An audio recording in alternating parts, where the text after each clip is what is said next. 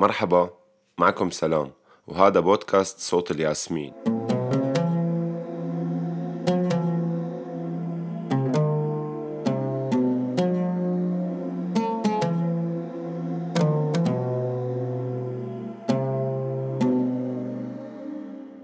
مرحبا فيكم أعزائي مستمعين بودكاست صوت الياسمين. موضوع حلقة اليوم رح يكون عن شيء كان له مكانة كبيرة في ذاكرة السوريين خلال العقد الماضي. وهو جزء لا يتجزأ من تاريخ الثورة السورية. رح نحكي اليوم عن الشيء اللي استوحينا منه اسم البودكاست عن صوت الياسمين عن أصوات السوريين وكيف سطحت صرخت غنت هتفت وكبرت من درعا حتى الرقة. عن الجموع اللي كسرت حاجز الصمت عن الحناجر يلي حطمت سدود آل الأسد عن الشوارع يلي شهدت كيف ثار الشعب وانتزع حريته. رح نحكي عن المظاهرات والاحتجاجات كيف كان يتم التنسيق والتنظيم إلها. شو هي الإجراءات الأمنية من قبل المتظاهرين ومن قبل الأمن فيما يتعلق بالمظاهرات؟ كيف كان عدد ونوعية المشاركين؟ شو أبرز أعمال العنف والقمع اللي تعرض لها السوريين؟ شو كان الهدف من المظاهرات؟ كيف استجابت الجهات الداخلية والخارجية للمظاهرات؟ والأهم من هذا كله كيف استجمع السوريين شجاعتهم وطلعوا حاملين ورود بوجه الدبابات؟ وشو تفاصيل ردهم على صوت الرصاص بصوت الهتافات؟ أديب رح انتقل لك لتخبرنا وتبلش معنا بتفاصيل أول مظاهرة بالثورة السورية. شو يلي صار؟ كيف تم التنسيق لها وين بلشت؟ وكيف تصرف الأمن معها؟ مرحبا أنا أديب. بتاريخ 17 2 2011 احتشد مئات السوريين في حي الحديقة بدمشق وتكاتفوا لكسر حاجز الخوف اللي بناه النظام خلال خمسة عقود مضت ليكون هذا الاحتجاج أول حدث عظيم ومظاهرة بتهتف ضد الفساد بشكل واضح وعلني وبصوت شعب واحد. وكان هالغضب على أثر اعتداء مجموعة من أفراد الشرطة على مواطن وإهانته وضربه بشكل وحشي لتكون هالمظاهرة أول مظاهرة بسوريا منذ انطلاق الربيع العربي. ومن أبرز الهتافات اللي هتفها المتظاهرين بوقتها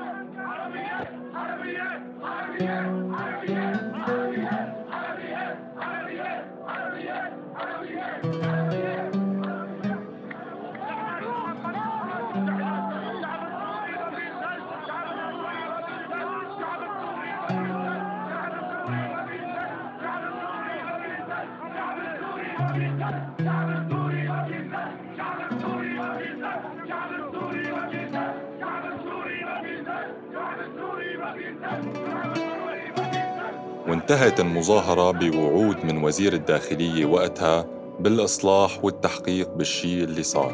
ما عنا تفاصيل عن ما إذا تم حقا تعويض المواطن لكن منعرف أنه الشخص اللي هتف في الهتافات الآنف ذكرها طلع باعتذار رسمي. وطبعا أغلب الظن أنه تم إجباره يعتذر. عليه يا أدي فيك تحكي لنا شو يلي خلى الشعب يتشجع ويعلي صوته مع أنه الصمت كان سيد الموقف لسنين طويلة؟ حتى لما طلعت هاي المظاهرة بدمشق آه، تم التستر عليها. فعلا اللي صار كان شجاعة وهيك هتافات تنهتف بعاصمة مثل دمشق اللي انعرف عن نظامها الحاكم بأنه بيحكم بقبضة من حديد. كان شي كتير جريء وقتها لكن كمان بهالأثناء كان الربيع العربي عم ينتشر بأغلب الدول العربية وفي شعوب قدرت فعلا تنتصر وتنتزع حريتها وهذا الشيء خلق عند الشعب السوري أمل بأنه قادر على التغيير والعيش بكرامة وحرية بعد ما كان الخوف مسيطر عليه. ومن هون بدأت دعوات كبيرة للاحتشاد والتظاهر وبدء التنسيق للمظاهرة وكونه القبضة الأمنية كانت شديدة ومحكمة كان التنسيق لهالحدث صعب جدا. ومع ذلك بعض النشطاء كانوا عم يدعوا الناس للخروج عن صمتهم ضد الفساد لسوريا أفضل. وأكثر عدلا أكثر عدلا؟ شو المقصود بأكثر عدلا؟ المطالب ما كانت فقط لإسقاط النظام؟ لا أبدا أساسا المطالب البداية كانت بأنه يكون في إصلاحات كونه كان معروف وقته كمية الفساد والمحسوبيات اللي كانت الدولة السورية غرقانة فيها حتى النخاع ولكن تعنت النظام وقمعه لأبسط النشاطات المدنية أدى لتفاقم الوضع وبالفعل يلي حصل بتاريخ 15 3 2011 هو إنه انطلقت مظاهرة بدمشق بحي الحميدية وهتفت للحرية ولكن ما لبثت حتى تدخلت قوات الأمن واحتوت المظاهرة لتغير مسارها وحولتها لمسيرة تشبيحية تشيد ببطولات القائد. وبذات الوقت أهل درعا كانوا عم يطالبوا بأبنائهم يلي اعتقلهم النظام. وكان رافض يرجع لهم وحكى لهم بصريح العبارة إنسوهم وخلفوا غيرهم. والمعروف عن أهل درعا شهامتهم وحميتهم على عرضهم. وهالكلام هذا خلى أهل حوران يتحدوا النظام ويتجمعوا لينتفضوا يطلعوا أول مظاهرة. وبتاريخ 18 3 2011 انطلقت أول مظاهرة من أرض حوران.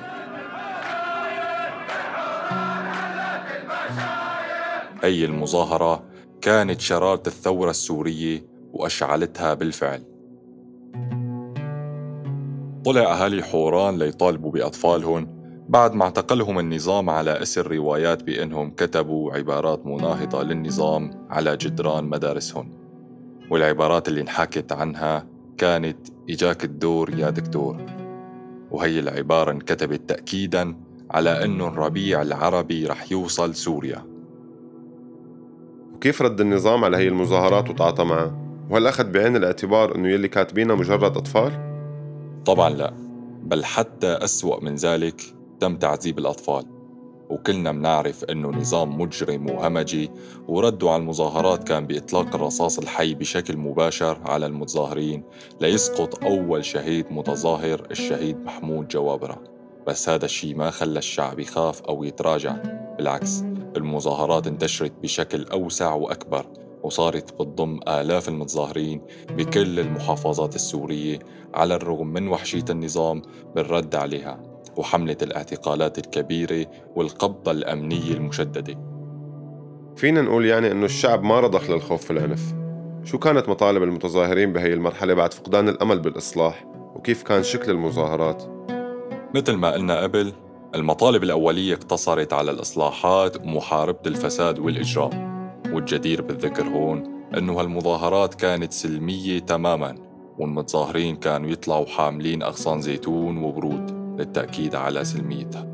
حتى بعض المتظاهرين كانوا يحاولوا التواصل مع عناصر الأمن والجيش ويقدموا لهم مي حتى يحكوا لهم نحن أخوتكم وأنتوا مننا لا تقتلونا بس للأسف النظام وعصابته كان يزيد إجرامهم أكثر وأكثر لدرجة ما كانت تنفذ أي مظاهرة من بطشهم إما باعتقالات أو بإطلاق رصاص أو حتى بقصف مثل مظاهرة بصرى الشام. أطلق النظام. قذائف بوسط المظاهرة ليستشهد بوقتها أكثر من 15 شخص لتتحول بعد هالمطالب لإسقاط النظام وتغييره. فيك تحكي لنا أكثر كيف كان يتم التخطيط للمظاهرات ومين كان يعمل هيك وهل اقتصرت على فئة معينة من الشعب؟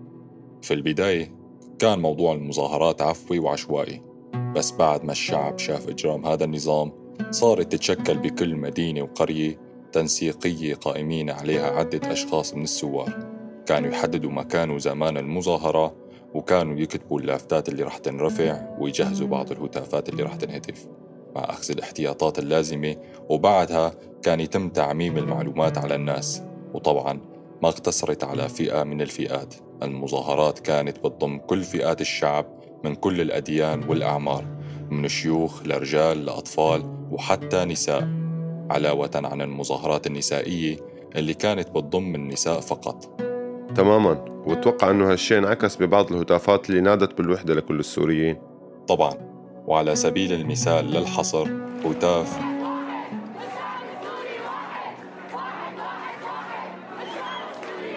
هل كان في أيام محددة للخروج أو كانت تتم بشكل عشوائي؟ بالبداية كانت المظاهرات تصير بشكل عشوائي بس بعدين ربط يوم الجمعة تحديدا بالمظاهرات فغالبا الشعب بيكون ناطر يوم الجمعة بحذر وتخوف من الأحداث اللي حتصير فيه. وبكل جمعة كانت الشباب تتجمع لتصلي الجمعة وبعدها تنطلق من أمام المساجد على مكان المظاهرة. وحتى الشباب غير المسلم كانوا يتواجدوا بالمساجد يوم الجمعة. وكان لكل جمعة اسم بيختلف عن الجمعة اللي قبلها وأحد الجمع كان اسمها صمتكم يقتلنا وكانت موجهة للشعب العربي لعله يخرج عن صمته. بجمعة صمتكم يقتلنا شو هي الهتافات اللي كانت حاضرة؟ كانت الهتافات بهي الجمعة من كل المحافظات. مثلا من محافظة حماة كان هتاف.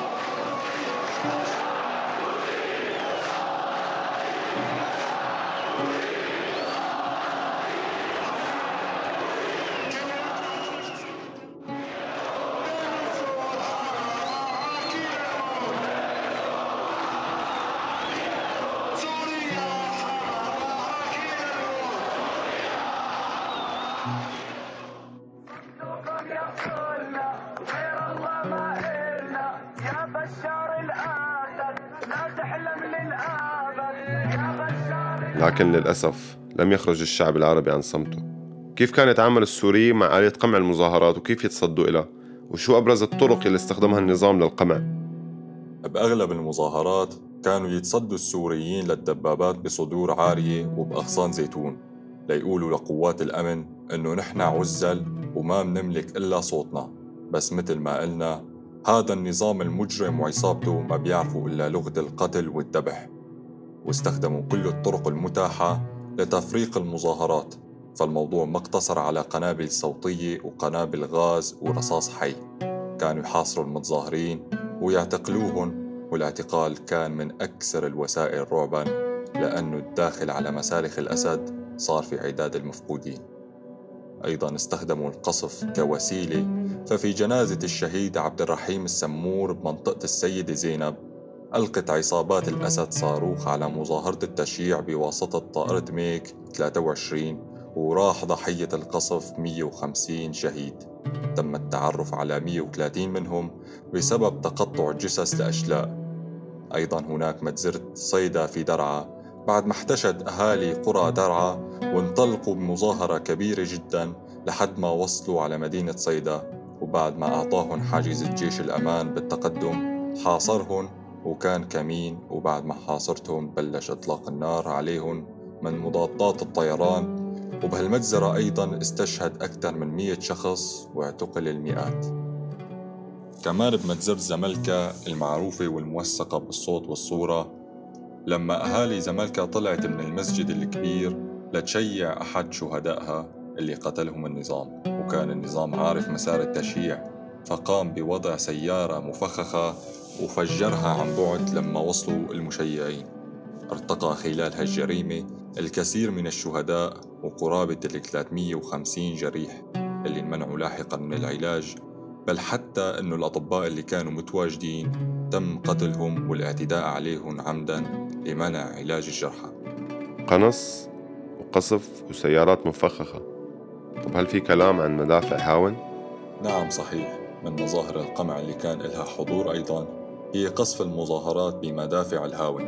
مثلا تم استهداف مظاهرة في حي بستان القصر بمدينة حلب أثناء غناء الطفلة نسمة الثورة لأغنية حان للحرية حان بتاريخ 16 تشرين الثاني سنة 2012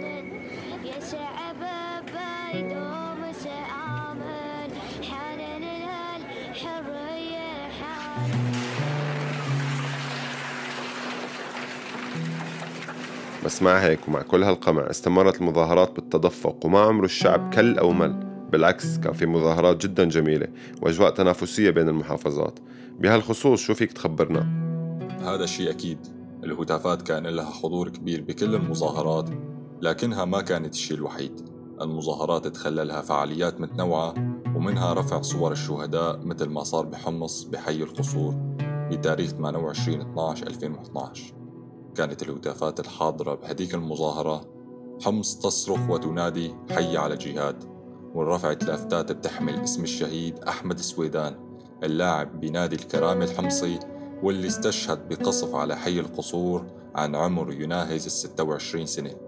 طبعا لجانب أحمد السويدان انرفع اسم أنس الطرشي الناشط السوري اللي استشهد بنفس القصف على حي الأرابيس مع صديقه المنشد طارق الأسود.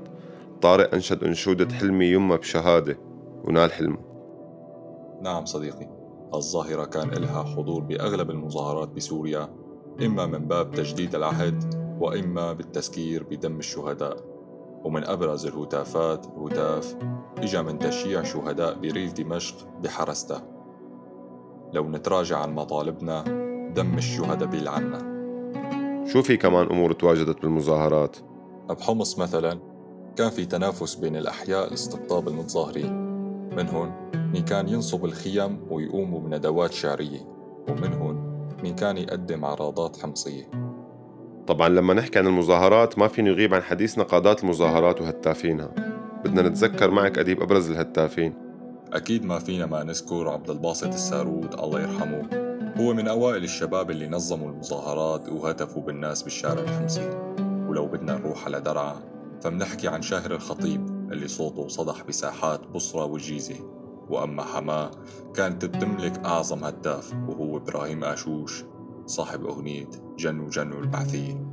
مرورا بدير الزور اللي كان أحد هتافيها عبد الله بارام الله يرحمه وصولا لأدلب الخضرة وناسها اللي هتفوا ورا محمد البنشي والقائمة تطول بأسماء قد نعرفها وأخرى نجهلها. ولكنها تركت بصمة كبيرة في قلب كل سوري حر ومن هون نبعث تحية محملة بالحب لكل الشباب السوري اللي استخدم صوته ليوصل صوتنا وصدح بحنجرته بهتافات الشعب وأوجاعه تتذكروا أبرز الهتافات؟ ولا بتجوا معنا نذكركم؟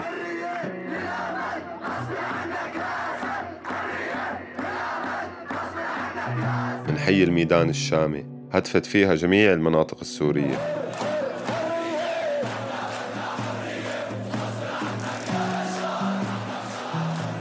حي المشهد بحلب.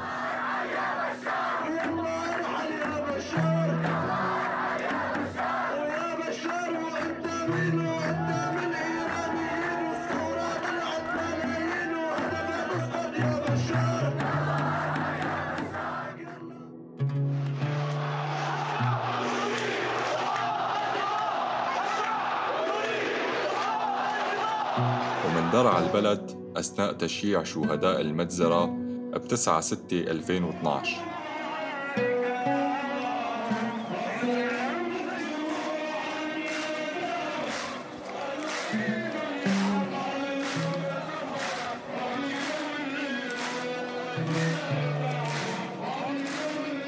أعطينا أمثلة لبعض المظاهرات أو الأحداث اللي رفعت فيها الشعارات وغيرها. مثلا بقرية السحارة الحلبية تواجد هتاف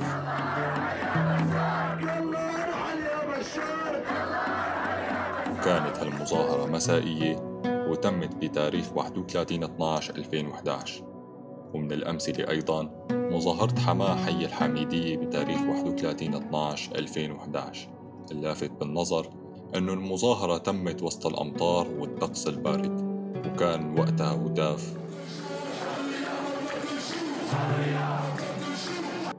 ومن المظاهرات اللطيفة مظاهرة صارت بحمص بدير بعلبة بتاريخ 20/12/2011 والطريف فيها إنها كانت بقيادة طفل وكان حضور الأطفال فيها بارز بشكل خاص وكان هتاف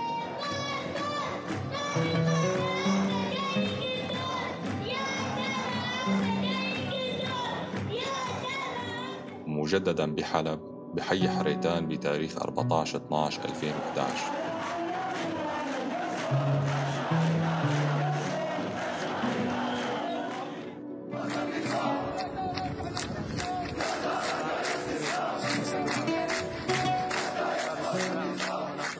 ومن درع البلد مهد الثورة بتاريخ 14 12 2011 سمعنا صوت اللعنات.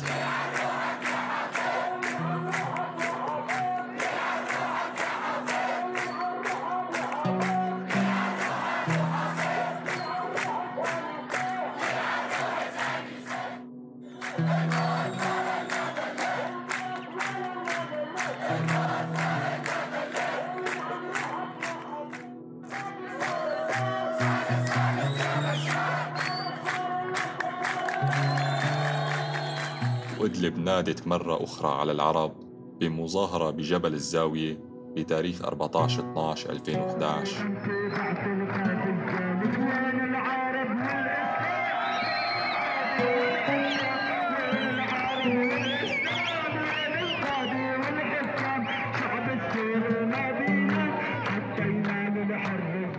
أصدقاء صوت الياسمين يلي وصلوا لهون كل الحب إلكم. الناس يلي لسه مهتمة تسمع صوت الحقيقة وتعرف أكثر عن هالثورة العظيمة. لساتها محافظة على مبادئها تجاه القضية. انتو أملنا الكبير يلي ما خاب ولا بخيب. من أول جمعة انضمت فيها حمانة موكب الثورة. تعرض أهاليها لإطلاق رصاص بشكل مباشر على المظاهرات وحملت اغتيالات كبيرة. لأنه بوقتها كانت منتفضة درعا وحمص مسمعا فكان في تخوف كبير من النظام لازدياد عدد المحتجين. وكابوس انتشار الثورة بباقي أنحاء سوريا. ففكرة إنك تاخد ابنك أو بنتك معك على مظاهرة بوقتها كانت فكرة مجنونة جدا. ولكن الله كتب لي كل مرة واحدة معهم بالشارع وما أكتفي بسماع أصواتهم وشوفتهم من البرندة مثل العادة. وضل أطرح تساؤلات عن اللي عم يصير لأهلي وإنه ليش عم يزتوا بحارتنا هذا الشيء اللي بيخلي الواحد يبكي؟ أي الغاز المسيل للدموع. شو عاملين نحن؟ مين هدول أصلا؟ شو أصوات هالعالم؟ شو عم تقول؟ ليش في أصوات رصاص؟ شو في؟ مين عم يقتلوا؟ طبعا كنا طالعين مشوار عائلي بس تحول لمشاركة بمظاهرة ما بنساها محيط كنت طفلة ما بتعدى ست سنين من عمري ولا عندي أي فكرة عن مين هدول ولا شو عم يعملوا. بس المنظر كان بيسبي العقل يا الله ما أحلى العالم لما تتكاتف سوا وتصرخوا بوجه الطغاة ويجتمعوا على مطلب واحد.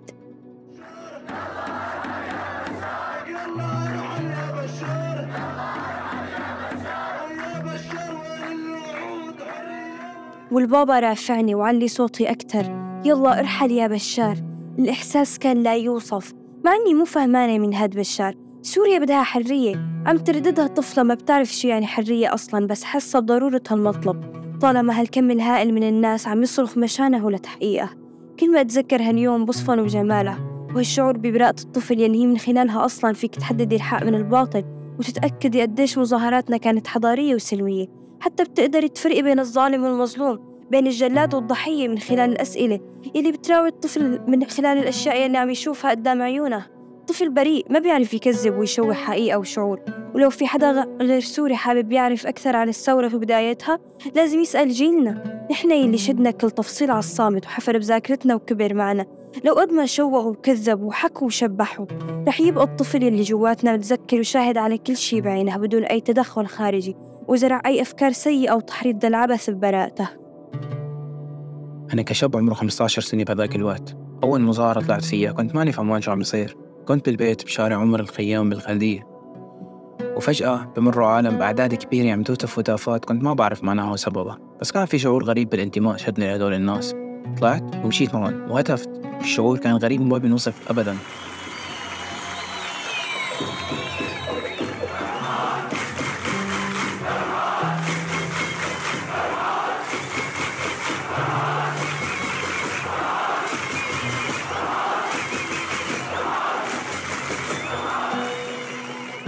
كنا نهز حمص بصوتنا وبعد فترة من الأحداث. وبحكم إنه حي الخالدية محل ما أنا كنت ساكن. كان من أكثر الأحياء المستهدفة بحمص لأنه قريب من المناطق العلوية كتير. كأنه كان أكثر حي فعال بحمص وأغلب تنسيقات الثورة بتتم فيه. اضطريت انتقل مع أهلي على حي القصور. وبهالفترة كان النظام معتقل خمسة من إخوالي بنفس اليوم. وبعد فترة من الحادثة ستي توفت نزعل عليهم أنا وأهلي ضلينا قاعدين بنفس بيت جدة اللي فضي بعد كل البلد اللي صار. كان يوم سبت وكان وقفة عيد الأضحى. قال إنه بجامع الشمسي باشا إنه في مظاهرة بعد صلاة العيد بتاريخ 6 11 2011 كانت أول مرة بحياتي بصلي صلاة العيد. صحيت بكير وكأني رايح استلم جائزة. من شدة الأمل والحماس اللي كان ماليني لبست كنزة بيضة لتكون رمز للسلام اللي كان شعارنا. صلينا والعدد كان أكثر عدد مصلين بشوفه بحياتي بصلاة جماعة. الدموع كانت غامرتنا كانت من صميم القلب. طلعنا على المظاهرة هتفنا وعلينا صوتنا غنينا لسوريا. طلبنا بالحرية. وصحنا للوحدة والسلمية والأهم من هذا كله إنه لعنا روح حافظ. بهداك الوقت كنت شاب صغير بعمر ال 15 شاركت بكتير مظاهرات بس هي المظاهرة تحديدا كان لها شعور خاص. مستعد بيع عمري الباقي لأرجع أحس وعيش الساعتين اللي قضيتهم فيها. انتمائي لهالناس كان يدفعني أطلع بكل مظاهرة وعلي صوتي. وبعد ما أدركت فعلا أنا ليش عم أطلع ولا شو عم أهتف. عزز عندي يقيني بأنه خروجي بالمظاهرات واجب وأسباب خروجي كتيرة ومنها حرماني من مدرستي لأنهم استحلوا مدارسنا وحولوها لمكان شنيع بتم منه قنص المدنيين وقتلهم. وحتى خوفي ورعبي من سماع كلمة في جيش أو أمن بالمنطقة بدل من إنهم يكونوا سبب للأمان والطمأنينة. هالشي كان سبب كافي للانتفاض المظاهرات بتعني لي كتير. المظاهرات هي أكبر حرية عشتها بحياتي. كنا صادقين ومتشابهين جسد واحد نهتف سوا ونضحك سوا ونبكي سوا. وحتى نهرب من الأمن سوا.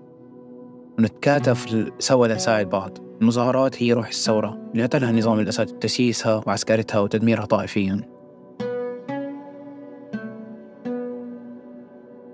بتاريخ 8/12/2011 بدرعا تحديدا بلدة معربة الواقعة بجانب بصرة الشام. تم التنسيق لمظاهرة طلابية بعد الدوام المدرسي ولأني كنت من أوائل الناس اللي طلعت مظاهرات وهتفت ضد الظلم وعلى الرغم من صغر سني كنت ما فوت ولا مظاهرة. جمعت مع رفقات الدراسة أمام مدرستنا. وبكل تواضع وبساطة رسمنا على ابن ثورة على إيدينا ووجوهنا بأقلام الحبر تناوبنا على الرسم لحتى رسمنا لكل الموجودين وانطلقنا بكل حماس وبراءة لمكان المظاهرة أمام مدرسة الثانوية. ونحن عم ندندن هتافات الثورة وأغانيها. بدأ الطلاب بالتجمع واعتلانا الشهيد سيف الحرب ليهتف فينا. وبهتاف بلشت مظاهرتنا. لتعلى أصواتنا وتصدح لتعانق الحرية المسلوبة. وكونها أول مظاهرة طلابية كنت عم شوف أقراني عم يهتفوا معي فكان شعوري بالانتماء عالي ومشاعري تجاه الوطن بريئة وجياشة كنت عم أهتف بقلبي قبل حنجرتي عم أهتف وكل أمل وإيمان بهالشباب اللي حواليا. بصوت واحد كنا عم ننادي القسم أقسم بالله العظيم أن أدافع عن هذه الثورة حتى آخر قطرة دم وإما النصر أو الشهادة.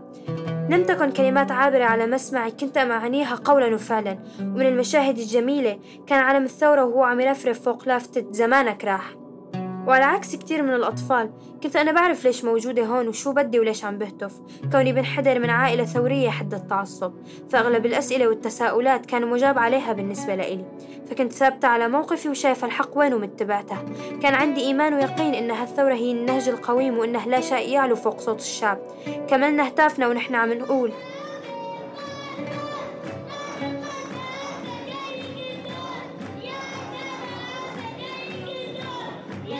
وغالبا هاي كانت آخر هتاف قبل ما نسمع الصراخ والكلمات الأكثر رعبا.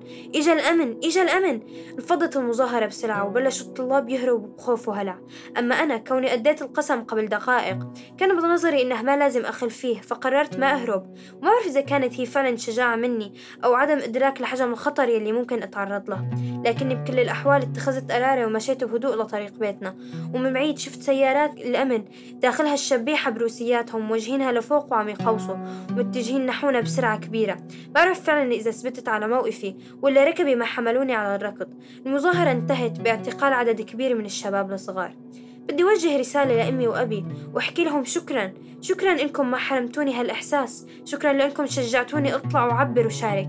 أنا ممنونة إلكم وفخورة إني ما ركنت للظلم من صغري وقدرت فرق بين الحق والباطل بفضلكم. وهيك بتكون خلصت حلقتنا لليوم. بس قصة هالشعب لسه مستمرة. وما رح تخلص. لذلك بتمنى ما تنتهي ذكراهم مع نهاية هالحلقة لأنه مبتغانا هو نضل نتذكرهم على طول. ومو بس نحن عم نوصل صوتهم الممزوج بالحرية والوجع انتو كمان ساعدونا واحملوهم معكم وحدثوا الناس عنهم. الشباب اللي كانوا مليانين حب وأمل لهالوطن وجادوا بدمائهم وأنفسهم ليوصلوا أصواتنا للعالم. بيستاهلوا تتخلد هتافاتهم وتنذكر أسمائهم وتضل ذكراهم حية جواتنا. دمتم أحرار.